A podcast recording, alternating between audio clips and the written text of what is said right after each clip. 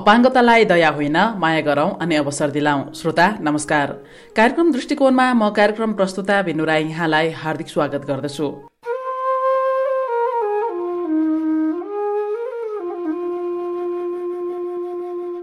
कार्यक्रम दृष्टिकोण फेम नेपालको सहयोग ओखलडुङ्गामा सञ्चालित आफ्ना फेम र ललितपुर स्थित रहेको अपाङ्गता संस्था परिलक्षितको सहकार्यमा तयार पारिएको हो। विशेष गरेर यो कार्यक्रम अपाङ्गता साथीहरूलाई प्रोत्साहन गर्न र राज्यले उनीहरूको लागि के कस्तो सेवा सुविधाको व्यवस्था गरेको छ र अपाङ्गताहरूमा पनि क्षमता हुन्छ जसले आफ्नो लागि मात्रै नभएर राज्यलाई नै टेवा पुर्याउन सक्छन् भन्ने अपाङ्गता र उनको परिवारलाई प्रेरणा दिने उद्देश्यले प्रसारण गरिएको हो। यस कार्यक्रममा अपाङ्गता भएका व्यक्तिहरू अपाङ्गता सम्बन्धी काम गर्ने सरकारी तथा गैर सरकारी संस्था र सरकारवालाहरूसँग गरिएको कुराकानी तथा रेडियो सामग्रीहरू समावेश गरिन्छ।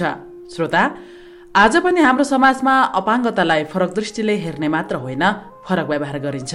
हामी कतिचोटि अपाङ्गता भएका बालबालिकाले पनि सुन्न हेर्न साथै बुझ्न सक्छन् भन्ने कुरा बिर्सन्छौँ। अर्थात् उनीहरूमा पनि क्षमता छ भनेर हेर्ने गर्दैनौँ। तर उनीहरूमा पनि केही मन क्षमता पनि छ र उनीहरूले केही गर्न सक्छन्।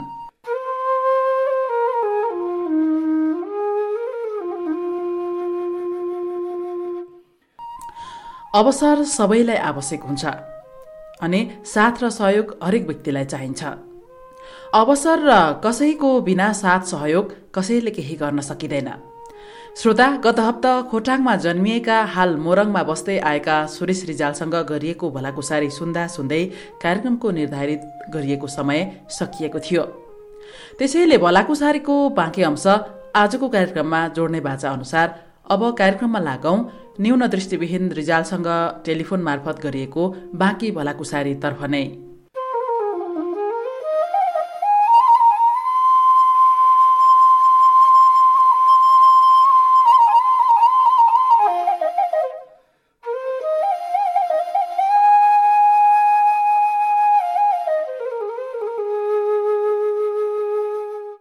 अपाङ्गताहरूलाई अझै पनि नेपाल सरकारले जुन प्रकारले हेर्नुपर्ने हो त्यो हेर्न सकेको छैन सम्बोधन गर्न सकेको छैन भन्ने तपाईँको बुझाइ हो।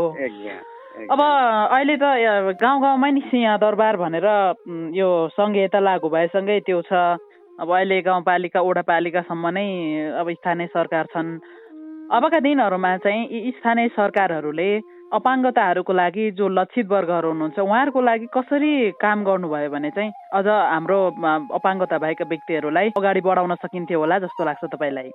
अब त्यही म्याम हो यसरी चाहिँ अब विधानमा भएको नियममा भएको कुराहरूलाई चाहिँ पूर्ण रूपमा कार्यान्वयनमा ल्याइदिएदेखि सबभन्दा अपाङ्गहरूलाई राहत मिल्ने भनेको त्यहाँनिर हो। जुन चाहिँ अब नियममा ऐनमा कानुनमा छ ती कुराहरूलाई चाहिँ कार्यान्वयनमा ल्याउनु पर्यो। र अनि जुन कुराहरू अब छुटिराखेको छ नियम कानुनमा नभएका कुराहरू चाहिँ छुटिराखेको छ। अब त्यो जस्तै अब अघि मैले राजनैतिक क्षेत्रको कुराहरू भने होइन? त्यसरी चाहिँ अब अपाङ्गहरूलाई पनि एउटा चाहिँ निश्चित कोटाको चाहिँ निर्धारण गरिदिनु पर्यो। जागिरको क्रममा पनि अब त्यहाँ विभेद छ। हाम्रो माग चाहिँ के हो भनेदेखि जस्तै अब अपाङ्गहरूको चाहिँ अब पाँच पर्सेन्ट त बनेको छ आयोगमा होइन? हजुर हजुर। अब त्यसमा त्यो पाँच पर्सेन्टमा अब सबै अब शारीरिक अपाङ्ग पनि अनि दृष्टिबिनहरू पनि त एउटै ऱ्याङ्कमा चाहिँ एउटै ड्याङ्कको जस्तो चाहिँ त्यो एउटै क्याटेगोरीमा चाहिँ हालेको छ। अब त्यसमा चाहिँ त्यो त्यो पाँच पर्सेन्टलाई सेन पर्सेन्ट मानेर दृष्टिबिनहरूको लागि छुट्टै चाहिँ गर्नु पर्यो। जस्तै पाँच पर्सेन्ट मा चाहिँ अब दुई पर्सेन्ट चाहिँ दृष्टिबिनलाई हुनु पर्यो तिन पर्सेन्ट अन्य अपाङ्गलाई हुनु पर्यो भन्ने हाम्रो माग पनि हामीले उठाइराखेका छौँ सङ्घ संस्था मार्फत। हामी उठाइराखेका छौँ। छुटेका कुराहरू जस्तै अब त्यो राजनीतिक कुरोमा चाहिँ अब आरक्षको कोटाको चाहिँ अब निर्धारण गर्ने कुराहरू यिनीहरू चाहिँ समेटिदिएदेखि अनि अपाङ्गहरूलाई काम गर्नलाई चाहिँ सजिलो हुन्थ्यो। जस्तै अब वार्ड वार्डमा चाहिँ अब एउटा अपाङ्ग चाहिँ सदस्य मात्रै भइदियो भने पनि त्यो वार्डभरिको चाहिँ अपाङ्गहरूको समस्या त उसले त्यो समितिमा बुझाउँछ नि त। होइन? अरू अरू सब अरू सपाङ्गहरूलाई अब त्यति थाहा नहुन सक्छ अपाङ्गहरूको समस्या। हजुर हो। जुन यसो अब एक दुईजना बोल्न सक्ने टाठा बाठाहरू तिनीहरूले नै अब कुरा पुर्यो होला नि र अनि केही होला होइन? उसको मात्रै उसको मात्रै व्यक्तिगत समस्या पर्यो र पो आवाज उठायो। तर वर्गीय आवाज त उठाउँदैन कसैले पनि होइन? अनि अपाङ्ग व्यक्ति नै त्यहाँ चाहिँ प्रतिनिधि भइदियो भनेदेखि उसको चाहिँ वार्ड समितिको चाहिँ बैठक हुँदाखेरि अपाङ्ग वर्गकै चाहिँ आवाज उठाउँछ र अनि अपाङ्गहरूलाई अगाडि बढ्नलाई चाहिँ सहजता हुन्छ भन्ने कुरो लाग्छ हुन्छ देवस् तपाईँसँग आज महत्त्वपूर्ण कुराकानी छलफल भयो खुसी लाग्यो। अब नभेटे तापनि हामी टेलिफोन मार्फत नै हामीले कुराकानी गरेका छौँ। अब खास कार्यक्रम सुन्दै गर्नु हुँदाखेरि हामी हरेक क्षेत्रको कुरा गर्छौँ। सञ्चार माध्यममा पनि अपाङ्गताका आवाजहरू अपाङ्गताका अधिकारका कुराहरू अलिक कमै समेटिन्छन् भन्ने धेरैजना अपाङ्गता भएका साथीहरूले भन्ने गर्नुहुन्छ। तपाईँले त्यो विषयमा चाहिँ के पाउनुहुन्छ? कति तपाईँले अघि भन्दै हुनुहुन्थ्यो रेडियो नेपालमा सुने भन्ने कुरा गर्नुभयो। त्यसभन्दा बाहेकका अहिले त अब च्याउझै उम्रेका रेडियोहरू छन् होइन? एउटा जिल्लामा चार पाँचवटा रेडियो कम्तीमा छ। अपाङ्गताकै आवाजलाई उठाउने अधिकारको लागि बोल्ने कतिको पाउनुहुन्छ सञ्चार माध्यम पत्र पत्रिकाहरूमा? सञ्चार माध्यममा त हो त्यो इलेक्ट्रोनिक मिडियाहरूमा अहिले चाहिँ अलिअलि म अहिले भेटाएको छु म्याडम। हुन त अब त्यतिले अब पर्याप्त त छैन नै होइन? अब सञ्चारले नै सञ्चारकर्मीहरूले नै तपाईँहरू जस्तैले नै अब यसरी चाहिँ अपाङ्गहरूको चाहिँ आवाज अब प्रत्येक उठाइदिनु भयो निकालिदिनु भयो भनेदेखि ए अलिकति सहज हुन्थ्यो। अपाङ्ग क्षेत्रलाई अगाडि बढ्नको लागि हामी अपाङ्गहरूलाई अगाडि बढ्नको लागि मिडियाले पनि अब धेरै टेवा चाहिँ पुर्याएको हुन्छ। तर कम्ती नै छ हो। त्यो पहिला हुँदो भनेको साथीहरूले भनेको कुरोमा म सहमत छु। मिडियाहरूमा एकदमै कम्ती नै छ। अब त्यसमा पनि अब तपाईँले एउटा उसबाट चाहिँ गर्नु हुँदो रहेछ त्यो भेट्टा खुसी लाग्यो। अनि एउटा कान्तिपुर एफएमले पनि उसले त्यो अपाङ्ग सम्बन्धी उनै गरेर हप्ताको एकचोटि हो क्यारे त्यो कुन कुन बेलामा हो त्यो उसले पनि अलिकति दिने गर्छ। कान्तिपुर एफएमले पनि। अनि रेडियो नेपालले पनि यसो कहिले काहीँ दिँदो रहेछ हप्ताको एकचोटि नै होला। अब यहाँभन्दा अरू खासै त्यस्तो मिडियाहरू मैले भेटाएको छैन। पत्र पत्रिकाहरूमा त झन् अब देखिएकै छैन पत्र पत्रिकाहरूमा त। इलेक्ट्रोनिक मिडियाहरूमा यो तपाईँ ले प्रसारण गर्ने यो दुईवटा एफएमहरू भयो। कान्तिपुर र नेपाल नेपाल रेडियोबाट यति मात्रै हो मैले हजुर। अब यसो भन्दै गर्नु हुँदाखेरि अब यी सञ्चार माध्यमहरूले चाहिँ अपाङ्गताहरूको विषयमा कस्तो किसिमको कुराहरू चाहिँ उठाइदिए हुन्थ्यो कुन प्रकारले कार्यक्रम गरिदिए हुन्थ्यो भन्ने लाग्छ तपाईँलाई चाहिँ? यी सञ्चार माध्यमहरूले हो यो तपाईँहरूले जस्तै अहिले तपाईँले जसरी गरिराख्नु भएको छ होइन अब कहिले कुन क्षेत्रको ल्याउनुहुन्छ कहिले कुन क्षेत्रको ल्याउनुहुन्छ कहाँ कहाँ पुगेर कुना काप्चा पुगेर अपाङ्गको घर घर पुगेर गरेर चाहिँ त्यो कहिले कुन क्षेत्रको कहिले कुन क्षेत्रको त्यसरी ल्याउनुहुन्छ। हो यसै गरी हरेक मिडियाहरूले चाहिँ अब पत्रकारहरू भनेको त सञ्चारकर्मीहरू भनेको त जहाँ पनि पुगेको हुन्छन् होइन? अनि त्यहाँ चाहिँ अब अपाङ्गहरूको कुराकानीहरू त्यसरी ल्याएर चाहिँ विभिन्न क्षेत्रमा चाहिँ को चाहिँ त्यो अपाङ्ग सम्बन्धी चाहिँ विभिन्न क्षेत्रका कुराहरू हुन्छन् नि त। हो त्यो तिनीहरू ल्याएर चाहिँ अनि यसरी प्रसारण गरिदिएदेखि अपाङ्गहरूलाई अगाडि बढ्नलाई धेरै टेवा पुग्थ्यो। जानकार हुन्थे अपाङ्गहरू यहाँ यस्तो रहेछ यहाँ यस्तो रहेछ यी आदि कुराहरू चाहिँ थाहा हुन्थ्यो। हजुर। अलिकति तपाईँको जुन चाहिँ सोच छ व्यवसाय गर्ने भनेर जुन खालको सोच बनाउनु भएको छ त्यसको विषयमा एउटा फेरि प्रश्न दोहोऱ्याउन मन लाग्यो मलाई।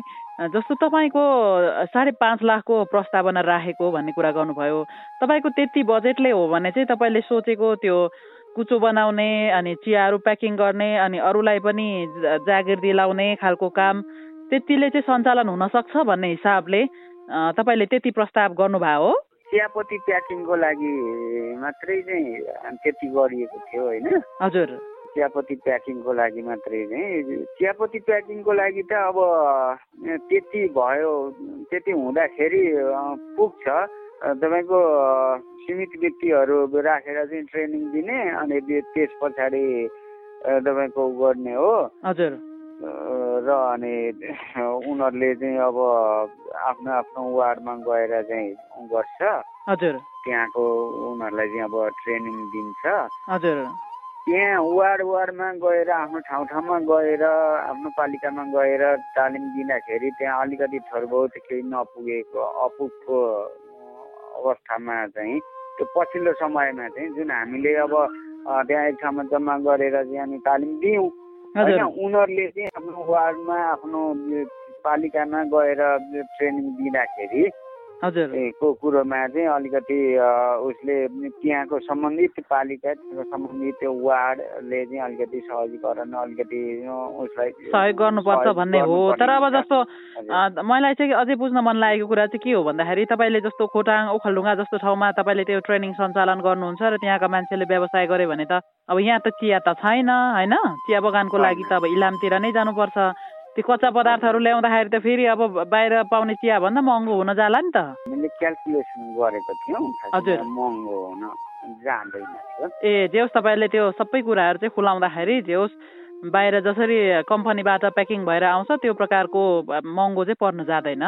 जाँदैन जाँदैन। ए ए ए। क्यालकुलेसन गरिवरिकन नि त्यो गरेका थियौँ। हजुर।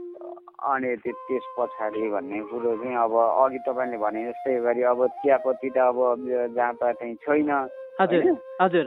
अनि अब कि त झापामा जानु पर्यो कि इलाममै जानु पर्यो। अनि त्यसो हुँदाखेरि त्यो अर्का ठाउँबाट ल्याएको मात्रै हुने भयो। अब प्याकिङको लागि अब त्यो प्लास्टिक ऱ्यापरहरू पनि अब फ्याक्ट्रीमा छपाउनै दिनुपर्ने भयो। सबै कुराहरू चाहिँ हुने भयो। हजुर। अर्कैको चाहिँ प्रयोग गरिने भयो आफ्नो स्थानीय स्तरको त केही पनि प्रयोग नहुने भयो। हजुर। अनि त्यो अलिकति मन पनि मर्दै मर्दै आइरहेको थियो। अब त्यसलाई के पो गर्न सकिन्छ कि भन्ने सोच्दै थिएँ होइन? तर बाहिर अब त्यो सरकार चेन्ज भइदियो सरकार चेन्ज भए पछाडि त्यो कार्यान्वयनमा आएको छैन त्यो। तपाईँको अब त्यहाँबाट प्रपोजल पास भएर त्यहाँ पैसा आएको भए चाहिँ सुरुवात गर्नु पर्ला भन्ने सोचाइ होला। अब त्यताबाट प्रपोजल भएन भने चाहिँ के? त्यो त्यतिकै सोचाइमा मात्रै सीमित हो कि? अथवा आफैले कतैबाट स्रोत जुटाएर पनि गर्ने भन्ने हो यहाँको सोच चाहिँ?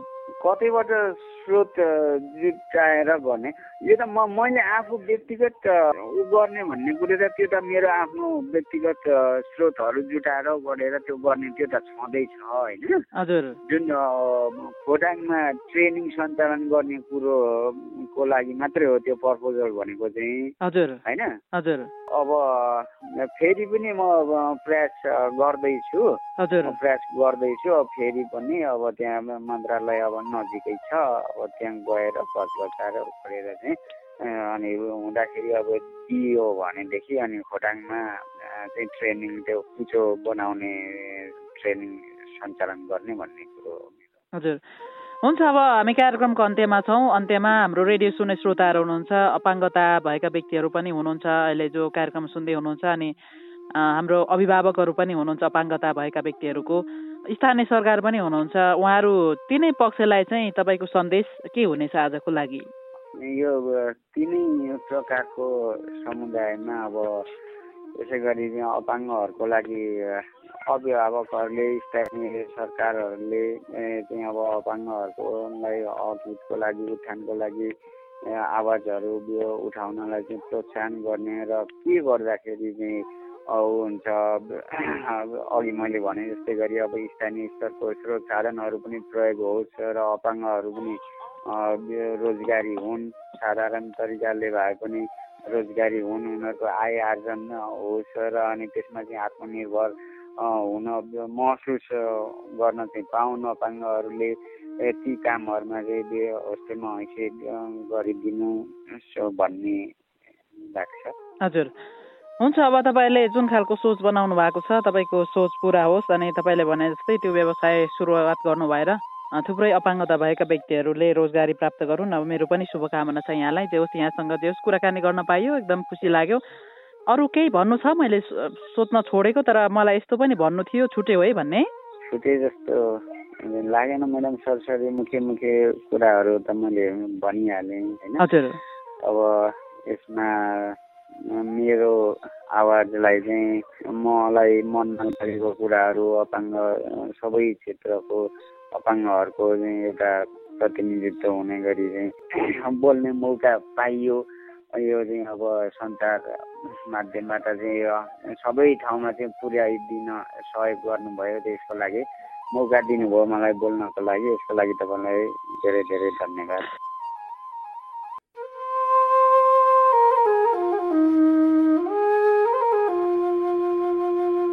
श्रोता यति बेला तपाईँ ओखलढुङ्गामा सञ्चालित आफ्ना फ्यामिलीले तयार पारेको कार्यक्रम दृष्टिकोण सुनिरहनु भएको छ। भर्खरै सुन्नुभयो खोटाङमा जन्मिएका तर हाल मोरङमा बस्दै आएका न्यून दृष्टिविहीन सुरेश रिजालसँग गरिएको भलाकुसारी। रिजालसँगको भलाकुसारीबाट हामीलाई पनि प्रेरणा मिलेको छ। जीवनमा हामी धेरै पटक गुनासो र आरोप प्रत्यारोपमै समय बर्बाद गर्छौँ। आफूले गर्न पर्ने र गर्न सक्ने कुराहरूको खोजी गर्दैनौँ। तर जसले जीवनमा गुनासो भन्दा पनि सृजनशील र मेहनत गर्ने कोसिस र खोजी गर्छ उसले नै उन्नति प्रगति र खुसी प्राप्त गर्छ। सुरेशजीले जसरी अपाङ्गता भएकाहरूको जीवन निर्वाहलाई मध्यनजर गर्दै चिया प्याकिङ कुचो बनाउने व्यवसायको सोच बनाएका छन् म उनको त्यो योजना सफल होस् भन्ने कामना गर्दछु।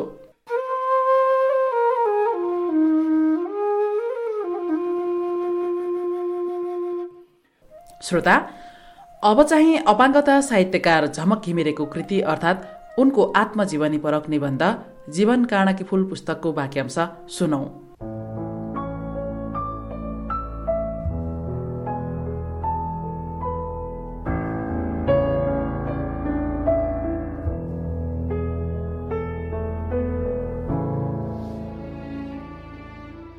ऋतु धर्म र वैंश। भोलिपल्ट बिहान कलिला घामका किरणहरूले धरतीलाई न्यानो स्पर्श गरेपछि निन्द्राबाट झल्यास बिउजिए र बाहिर दृष्टि फालेर यसो निहाले त्यहाँ भर्खर घाम अन्डा चाहिँ फुटेर पहेलपुर भएर सुन्तला जुनारका बोटहरूमा सेताम्मे फुलेको देखे। ती किरण फुलहरूमाथि परेर चम्किलोसँग टल्किँदा कति सुन्दर दृश्य देखिन्छ। घाम पनि हेर्नु हुँदैन रे पहिलोपटक रजस्वाला भएकी किशोरीले। यो कस्तो चलन? जब प्रत्येक मान्छेलाई घामको न्यानोपन चाहिन्छ अझ त्यस्तो बेला बढी सरसफाइ र घामको न्यानोपन चाहिन्छ र विभिन्न किटाणुहरूले आक्रमण नगरोस् किटाणुहरू नष्ट होउन् भन्ने चाहना गर्ने हो भने घामको तातोपन चाहिन्छ यहाँ भने केटाकेटीलाई रजस्वाला हुँदा घाम हेर्न दिइँदैन। आमाले घाम नहेर्न भनेकी थिइन् तर मैले त किन हेर्न हुँदैन भनेर मजाले हेरिदिए। घामको न्यानोपनमा बसिदिए आमाले कराउँथिन् यो केटीलाई भनेर लागेन। साँच्चै मलाई कसैले भनेर लागेन वा कसैले भनेका कुरा मैले टेरिन कुनै पनि कुरा मैले आफैले अनुभूति गर्नु पर्थ्यो यो कुरा ठिक हो या होइन भन्ने अनि मात्र मान्थे म। अँ भोलिपल्ट बिहानको त्यो सुन्दर वातावरण देखेर मेरो कोमल मनले एउटा जितको उत्सव मनाएको थियो। हिजोका विश्वासमा बाँचेका पात्र पात्राहरूप्रति खेलले उडाएको थियो त्यस दिन मनले सोधेको थियो प्रकृतिको एउटा वरदानलाई मान्छेले किन अपवित्र ठान्यो? यो कुरा बिना यो सृष्टिको कल्पना गर्नु असम्भव छ। आमाका हिजोको गालीहरू छोराको आयु स्वात्तै घटेर मरिहाल्छ कि भन्ने सन्तासका कारण खनिएका थिए ममाथि। उफ। मेरी आमालाई के थाहा? जुन छोराको जीवनचक्र त्यही रगतले विकसित भएको हो उनी यसैको अपमान गर्दैछिन् भन्ने स्वयंलाई थाहा थिएन। उनलाई थाहा थियो रजोसला हुनु भनेको नारी अपवित्र हुनु हो। विचरालाई संस्कारले सिकाएको कुरा थियो यो। सामाजिक धार्मिक परम्परागत संस्कृतिले उनलाई यही कुरो सिकाएको थियो जसबाट बाहिर निस्कन सकेनन्। आस्था र विश्वासका पर्खालहरू पनि यही जगतमा टेकेर उभिएका थिए उनका। तर म? स्वभावैले मनभरि उत्सुकता र जिज्ञासा बोकेकी केटी प्रत्येक कुराको विश्लेषणात्मक जवाफ पाउनै पर्थ्यो। अब त अरूसँग सञ्चार गर्न पनि त्यति अप्ठ्यारो थिएन। चाहेका आफूले नजानेका कुरा लेखेरै भए पनि सोध्न सक्थे। त्यति बेला डेरामा बस्ने विद्यार्थी दाईहरूलाई प्रश्न प्रतिप्रश्नहरू सोधेर हैरान पार्थे। उनीहरू भन्थे यो ठुलीलाई जवाफ दिँदा सोचेर मात्र दिनुपर्छ। उसलाई चित्त बुझ्दो जवाफ भएन भने सोधेर हैरान पार्छे। उसको जवाफै हामी जान्दैनौँ। उनीहरूलाई पनि आफूले नजानेका कुरा जान्दिन भन्न सक लाग्थ्यो क्यारे। यता मैले त्यो उनीहरूको मर्का बुझेन म त आफूले नजानेका कुरा उनीहरूलाई सोध्ने गर्थे। जे होस् उनीहरूलाई झर्को लाएर भए पनि अलिकति ज्ञान विज्ञानका कुरा सिके र जाने। ममा थोरै भए पनि परम्परागत गलत मान्यताका विरुद्ध चेतनाको बिजारोपण भइसकेको रहेछ। त्यसैले होला मेरी आमाका अन्ध आस्था र अन्धविश्वासका पर्खालहरू भत्काउन खोजेकी वर्षौँदेखि उभिएका यी सांस्कृतिक पर्खालहरू भत्काउन एउटी किशोरीले मात्र के सक्थे र? यी अन्ध आस्थाका पर्खालहरू भत्काउन नसके पनि अलिकति भए पनि चोटसम्म लाए। बिहान बेलुका राति सुत्ताकी साथी बहिनी मिना थिए मैले चिया पानीहरू आफै पिउन जानेकी थिइनँ खाना खाएर आफै चुट्न जानेकी थिइनँ उसले पिलाइदिन्थे चुठाइदिन्थे दिउँसो भने म एक्लै पर्थेँ आमाले एउटा कोठामा बस्न भन्थिन् त्यहीँ बसिरहन्थे। सबै झ्याल ढोका थुनेर होइन उनले एउटा ढोका यसो ढप्काइदिन्थिन् म त्यहीँ भित्र बसेर तानामाना गरिरहन्थे। म निराश भने थिइनँ बरु मलाई यसरी राख्ने पात्रको दिमागमा अझै पुराना थुत्रा कुराहरूप्रति विश्वास देखेर अचम्म लाग्थ्यो। उनले स्वयं आफ्नै अगाडि छोरो जीवित देखेर पनि पत्याएनन्। म पछि मेरी बहिनी मिनालाई त्यसरी नै राखिन्। उसलाई त झन् कडा अनुशासनमा राखिन्। मिनाले आमाले भनेका एक एक कुराको आदेश पालना गरी उसलाई पनि कति गाह्रो भयो होला तर मान्नै पर्यो। मैले त आमाको आदेश पालना गरिनँ किनभने मेरो मानसले परम्परागत कुरामा खोइ किन हो विश्वास त्यति गरेन। समयसँग आफ्नै खालको सङ्घर्ष गर्दै थिएँ म। अरूले साथ नदिए पनि आँसुले साथ दियो पीडाले साथ दियो सबैभन्दा ठुलो कुरो जिन्दगीले साथ दियो। यो सङ्घर्षबाटै मैले आफ्नो गलत अस्तित्वको खोजी गर्न थालिसकेकी रहेछु क्यारे। हुन पनि हो मान्छेले किशोरावस्थादेखि प्रत्येक कुरामा आफ्नो स्थान खोज्छ। म मान्छे हुँ भने अरू र ममा के फरक छ भन्ने उसले निहाल्न थाल्छ केलाउन थाल्छ। ऊ आफू हुनुको अर्थ खोज्न थाल्छ। त्यस्तै मैले पनि आफू मान्छे हुनुसँगको अर्थ खोज्नु कुनै बेग्लै कुरा थिएन। म आफूलाई निकै राम्री देख्थेँ। हुन पनि म हलक्क बढेकी नव यौवनले छोपेकी कलिला गालामा रातो रातो लाली चढेर उन्मुक्त बनेर फुलेको फुल जस्तै सुन्दर भएकी थिएँ। कोही भन्थे म आफूलाई नराम्रो देख्छु। तर मैले चाहिँ कहिल्यै आफूलाई नराम्रीको रूप देखिनँ सधैँ सुन्दर देखेँ। खै मैले आफूलाई राम्रो आँखाले हेरेर पो हो कि नराम्रो देखिनँ। जे जस्तो भए पनि किशोरावस्था गुज्रिँदै थियो अर्थात् मेरो कोपिलाबाट फुल हुने क्रम जारी थियो फक्रिने क्रम जारी रह्यो। फुल बन्ने क्रममा असिना छरी बादल पानी सबै खेप्नुपर्छ। म पनि त्यस्तै फक्रिँदै गरेको फुल थिएँ। अनेक प्राकृतिक अप्राकृतिक अल्झनहरूसँग सङ्घर्ष गर्दै फुल्ने प्रयत्न गरिरहेकी थिएँ। मौसम बेमौसमका हन्डरहरू खेप्दै जिन्दगीको युद्ध लड्दै थिएँ। त्यो सुन्दर जिन्दगीको कल्पनामा आफ्ना दुखाइ कष्ट अनि पीडाहरू बिर्सिँदै थिएँ। जे जस्तो परिस्थितिमा पनि मैले सुन्दर जिन्दगीको कल्पना गर्न छोडिनँ। बस अझ भर्खर वैशाले स्पर्श गरेका केटाकेटीहरूको जिन्दगीको सपना त साह्रै रङ्गीन हुन्छ। मेरो पनि जिन्दगीको सपनाको रङ श्वेत या अश्वेत खालको थिएन। त्यो रङ्गिनै थियो।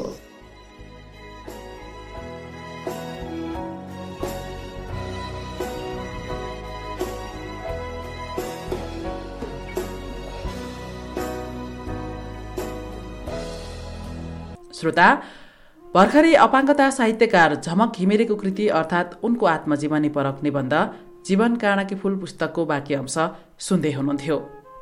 निर्धारित समयले नेटो काट्नै लागेको हुँदा निबन्धको बाँकी अंश अर्को कार्यक्रममा जोड्नेछु।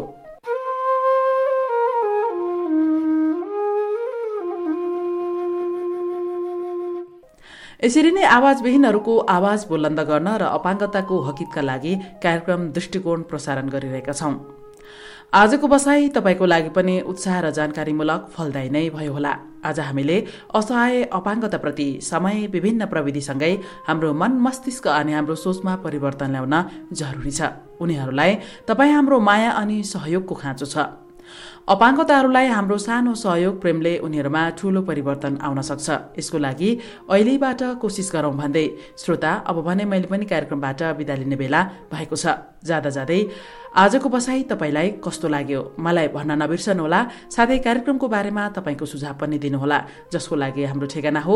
कार्यक्रम दृष्टिकोण आफ्ना फेमेक्स चार थप्लो आठ मेगा हर्स सिद्धिचरण नगरपालिका एघार उखलडुङ्गा कमेरी डाँडा पानीट्याङ्की साथै अहिले तपाईँले सुनिरहनु भएको रेडियो स्टेसनमा पनि पत्रचार गर्न सक्नुहुनेछ। तपाईँले सिधै परिलक्षित संस्थाको टेलिफोन नम्बर शून्य एक पचास दस सात सय तिस र शून्य एक पचास दस पाँच सय तेइसमा बिहान दस बजेदेखि पाँच बजेसम्म फोन गरेर संस्थाले प्रदान गर्ने सेवा सुविधाको बारेमा जानकारी लिन सक्नुहुनेछ। त्यस्तै मेरो मोबाइल नम्बर अन्ठानब्बे बयालिस नौ डबल पाँच छ डबल तिनमा फोन गरेर कार्यक्रमको बारेमा तपाईँको सल्लाह सुझाव दिनुहुन अनुरोध गर्दछु। हवस् श्रोता अब कार्यक्रम दृष्टिकोणमा भने अर्को हप्ता यस्तै जानकारी र प्रेरणामूलक कार्यक्रम लिएर आउने नै छु। आजलाई म तपाईँको कार्यक्रम सहायत्री बिनु राई ओझेल पर्न चाहन्छु। नमस्कार।